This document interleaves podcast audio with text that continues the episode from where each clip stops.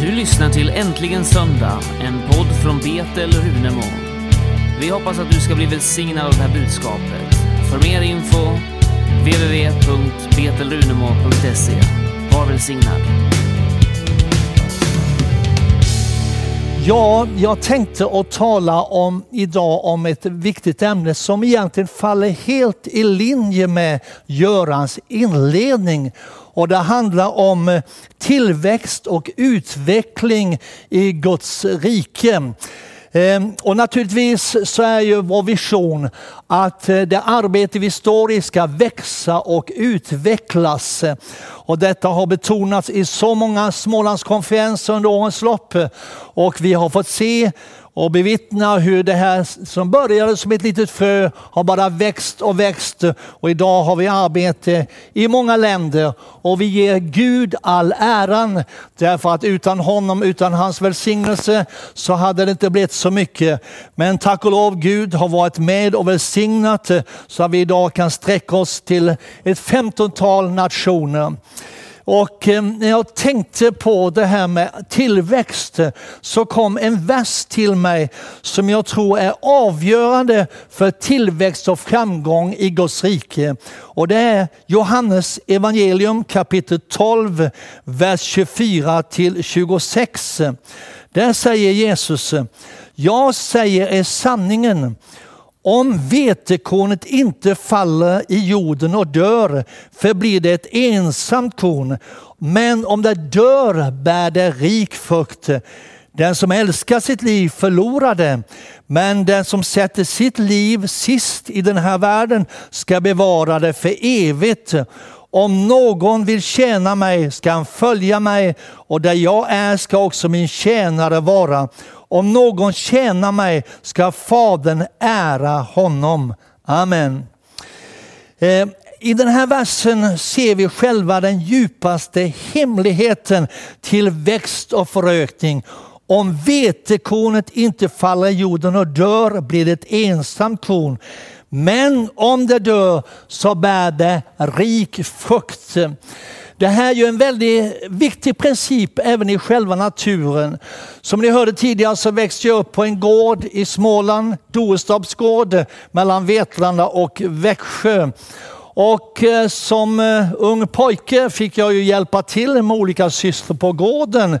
Jag var inte så väldigt mycket för det, det var ganska motvilligt som jag hjälpte till med att häscha hö och annat. Men eh, pappa han krävde ju att vi barn skulle vara med och hjälpa till.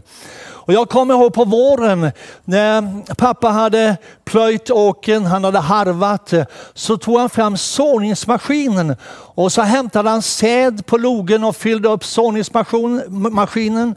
Och sedan spände han för vår häst. Det var en ardennehäst som hette Brunte. Så han spände Brunte framför såningsmaskinen och så körde han ut på åken och så började han så. Och det såg inte så mycket ut. Den här säden som låg där på logen var ju torr och kornen kunde se blanka och fina ut. Men så såddes den ner i jorden och så gick det ett antal månader och så kom det framåt hösten och tänkt, då hade de här kornen växt upp och där stod det en skörd mogen och så fick vi vara med och skörda. Så här bevittnade jag även som ett barn den här hemligheten om sådd och skörd. Och det är så viktigt eh, för oss att förstå att det är en princip i Guds rike, sådd och skörd. När jag ser på Trosstiftelsens mission så jag är medveten om att det är många som har varit med och sått ut. Man har sått ut sin tid, man har sått ut sina medel, man har sått ut sina liv för att den här missionen ska växa. Här på hemmabasen så är det många som har varit med och stött på ett otroligt sätt. Tänker på alla som var med och reste ner till Smålandskonferensen, ner till Doestorps i över 30 år. Och de sådde ut både sina semestrar de sålde ut sina medel. Jag vet ibland så hade man inte pengar och tanka upp sina bilar så man kom hem utan man lånade ifrån varandra. På det här sättet eh, så växte det här arbetet fram och sedan eh, fick vi ju resa ut eh, till missionsfältet och vi fick vara med och se också hur, hur ett arbete växte fram där. Men som ni hörde från min fru så kostade det ett pris. Och jag kommer ihåg när Ingegerd och jag träffades privat första gången. Det var faktiskt så att eh, eh, jag hade lånat hennes pappas bil. Jag var en ung evangelist här uppe, hade ingen egen bil. Eh, och eh, så mm, sa till Ingegerd, jag kan skjutsa dig till Bollnäs. Eh, därför hon jobbade i Bollnäs på eh, sjukhuset. Och så skjutsade han ner till Bollnäs och satt vi och pratade. Och det var där jag berättade om min kallelse. Och eh, som ni hörde så trodde hon inte det skulle bli så mycket av det, men det blev mycket av det. Jag menade verkligen vad jag sa. Men det handlade om att eh, vi skulle fatta vårt beslut eh, för att så ut våra liv. Det var ett pris att betala att lämna bekväma omständigheter här i Sverige och resa ner till börsen i Afrika.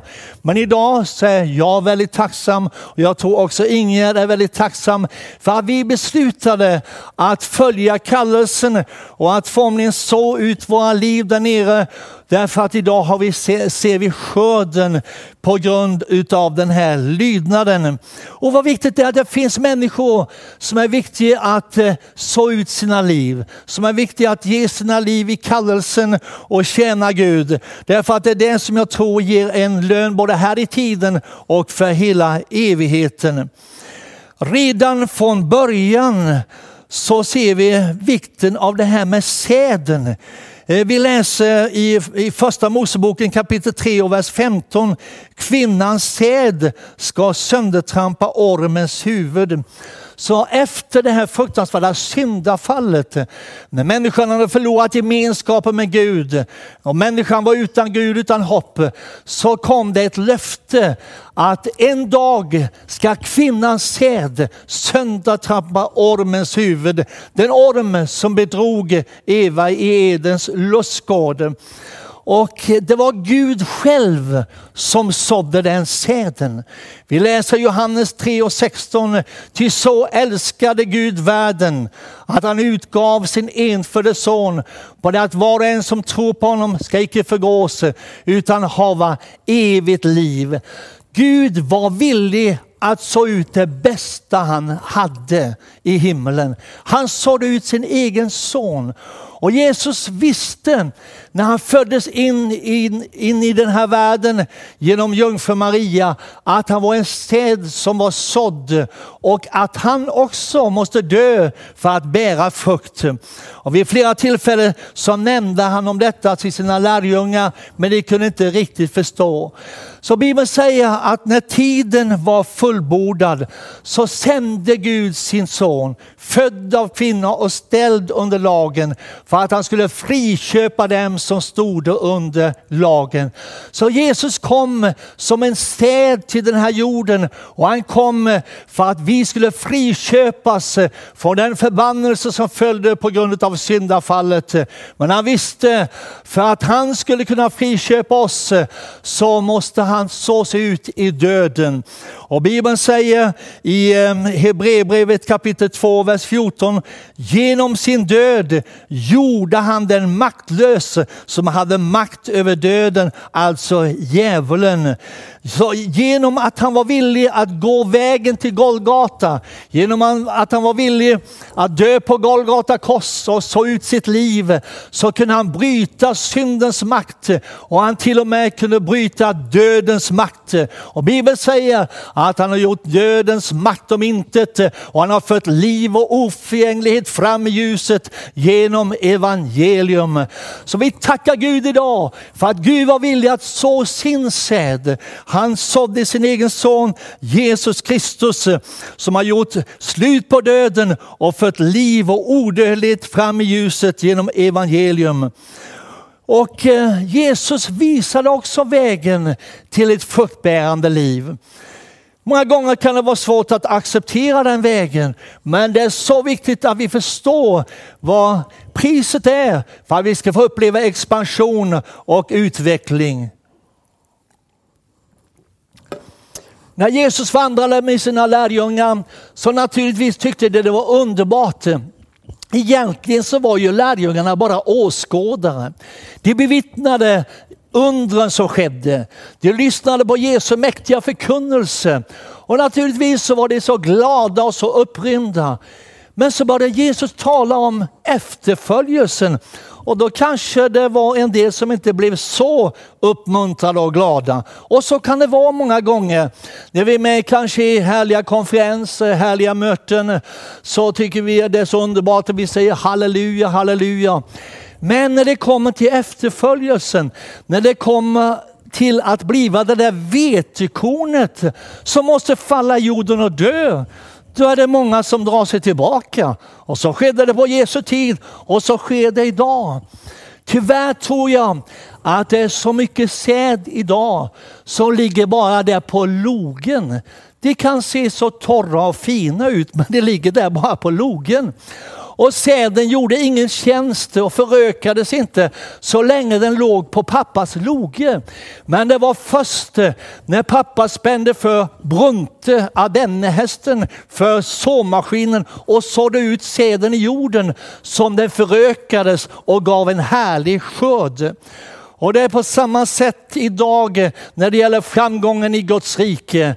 Gud behöver män och kvinnor som är villiga att ge sig helt, som är villiga att så ut sina liv. Det här är ju en utmaning och det var en utmaning för mig även när jag var nyfrälst i Jönköping. Och jag upplevde kallelsen, men jag visste att det skulle kosta ett pris. Men en dag upplevde jag bara att jag skulle gå upp till Jönköpings stadspark. Därför att jag visste att i Stadsparken stod Bäckaby gamla kyrka. Eh, dit mina förfäder hade gått till julorta och kanske till en del högmässor. Jag tänkte jag ska gå upp till den här kyrkan och jag visste att varje gård hade sin bänk. Så även vår gård, Doestorps gård, hade sin bänk i Bäckaby gamla kyrka. Den hade flyttats dit när man byggde en ny kyrka, en, en kyrka i sten. Så en dag gick jag upp där och det var faktiskt så att jag var inne i en fasteperiod. Och jag satte mig där i den här gamla kyrkan i, i mina förfäders bänk. Och där fattade jag mitt beslut. Och ibland behöver vi fatta ett kvalitetsbeslut när det gäller kallelsen och tjänsten. Därför att det är så mycket som vill påverka oss så att vi inte ska bli det där vetekornet som faller, faller i jorden och dör. Fiender kommer med sina viskningar. Du ska leva ditt eget liv, satsa på din karriär, satsa på framgång i den här världen. Och det är så lätt att bli förledd bort ifrån kallelsen. Och jag hade ju jobb på Munksjö, Jönköping på kontoret. Och eh, när jag sa upp mig för det jobbet, då blev chefen väldigt förvånad. Han försökte övertala mig på alla sätt. Du ska få löneförhöjning, du ska få kurser, du ska få göra karriär här på Munksjö. Men jag upplevde att Gud hade en större karriär för mig än en karriär på Munksjö. Så att jag bara sa upp mig. Och nu satt jag där i den här lilla träkyrkan och inför Gud fattade jag beslutet. Jag ska följa Jesus, kosta vad det kosta vill. Jag ger mitt liv för honom och, och kommer i framtiden att eh, följa honom och göra hans vilja. Och Jesus sa till sina lärjungar i Markus evangeliet i det åttonde kapitlet, vers 34 och 35. Om någon vill följa mig ska han förneka sig själv och ta sitt kors på sig och följa mig. Den som vill rädda sitt liv ska mista det. Men den som mister sitt liv för min och evangeliets skull ska rädda det. Det kan ju verka lite motsägelsefullt det här, att mista sitt liv. Men det ligger en väldigt djup hemlighet där.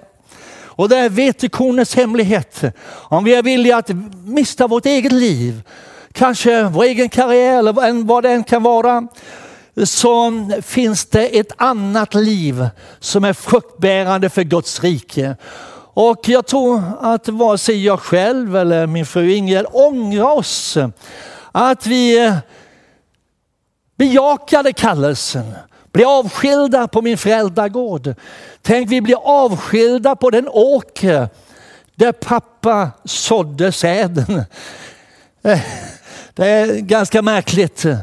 Och jag vet ju att vår gård har varit i vår släkt sedan 1600-talet, så länge man har kunnat forska. Och tänk den är fortfarande kvar i vår släkt.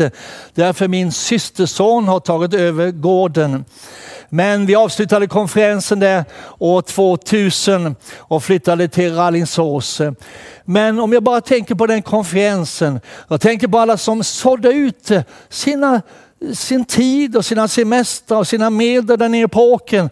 Tänk vilken skörd det har gett. När jag tänker tillbaka på alla dessa mäktiga Smålandskonferenser. Ibland var Guds ande så oerhört stark så att Eh, det, det, var nästan så att tältdukarna lyfte i lovsången och lovprisningen. Och eh, genom den här början som ju var väldigt ringa, ni hörde hur det började. Va? Men eh, under årens lopp byggde vi om mycket på gården. Va? Det var många som hjälpte till och eh, vi inredde hela laggon och vi la elkablar i åkern och vi hade upp till 120 husvagnar runt tältet. Men eh, Idag så är vi tacksamma för att vi var villiga att åka dit ner. Det var ganska tufft. Jag vet en av våra äldste bröder sa vid ett tillfälle, ja sa han, det känns som att åka till sin egen begravning. ja, det är, det är, nästan lite som att dö när det gäller det här att göra Guds vilja. Va? Alltså det kan vara väldigt jobbigt i känslan och eh, vi ska åka dit ner och hela min släkt bodde runt omkring. Knappt någon av dem var frälst. Och där kom vi och slog upp tältet och satte igång en väldig konferens. Ni förstår, det var ju rörelse i bygden och det var många meningar. Och ibland var det någon som blev ilsken för alla, all trafiken. Men eh, Gud var med, Gud välsignade. Och den här konferensen har fått betyda, så oerhört mycket. Eh, så det här med sådd och skörd är så viktig. Och jag upplever att vi lever i en tid då det är så mycket själviskhet, så mycket egna ambitioner bara. Man vill bara satsa på det egna. Och vi behöver en ny väckelse.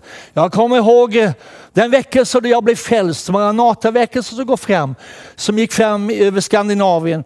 Då var det så många ungdomar som bara gav sina liv. De satsade på evangelium. Det var bönenätter, fastedagar. Jag satt och tittade i gamla eh, almanackor. Jag, jag har fört lite dagbok nästan hela mitt kristna liv. Och vi satt igår och tittade igenom eh, en del år och tänkte var bara möte, möte, eh, bönenätter, fastedagar, möte, fastedagar, bönenätter. Så har den här visionen växt fram under ständig bön, fasta och bön och ehm, under även strapp, många strapatser ute på missionsfälten. Jag tror att vi alla som kan vittna, kan vittna om, som har varit ute, att det har sannerligen inneburit ibland risk för ens eget liv. Men vi tackar Gud idag för vi har sett en skörd. Ehm, så det här är så viktigt när det gäller fortsättningen nu. Och vi ber till Gud att Gud ska mana många att vara med och satsa så att vi kan få se det Göran inledde med. Vi får se ytterligare expansion och utveckling. Eh, det finns så många exempel i väckelsehistorien och i missionshistorien på män och kvinnor som har sått ut sina liv. Eh, jag ska nämna några få. Och eh, jag börjar redan i apostlagärningarna. Aposteln Paulus. Han var ju ett, eh, man kan säga att han var egentligen ett sädeskorn, ett välpolerat, därför han var mycket religiös. Hade studerat vid Gamaliels fötter, tillhörde troligen Sanhedrin. Så han var en betydelsefull person. Men tänk ändå så andades han hot och modlust emot de kristna. Men eh, denne Saul von Tassus eh, fick göra en mäktig gudsupplevelse när han var på väg till Damaskus eh, för att tillfångata kristna och sätta dem i fängelse. Plötsligt såg han ett mäktigt ljus. Han hörde en röst. Saul, Saul, varför förföljer du mig? Och han säger, vem är du? Och rösten svarar, jag är Jesus, den som du förföljer. Och tänk, där blir den hårde Saulus, den religiöse man, förvandlad till aposteln Paulus. Han blev förvandlad till det här vetekornet som föll i jorden och dog. Och Paulus talar ofta om att lida döden. Han säger, jag lider döden beständigt.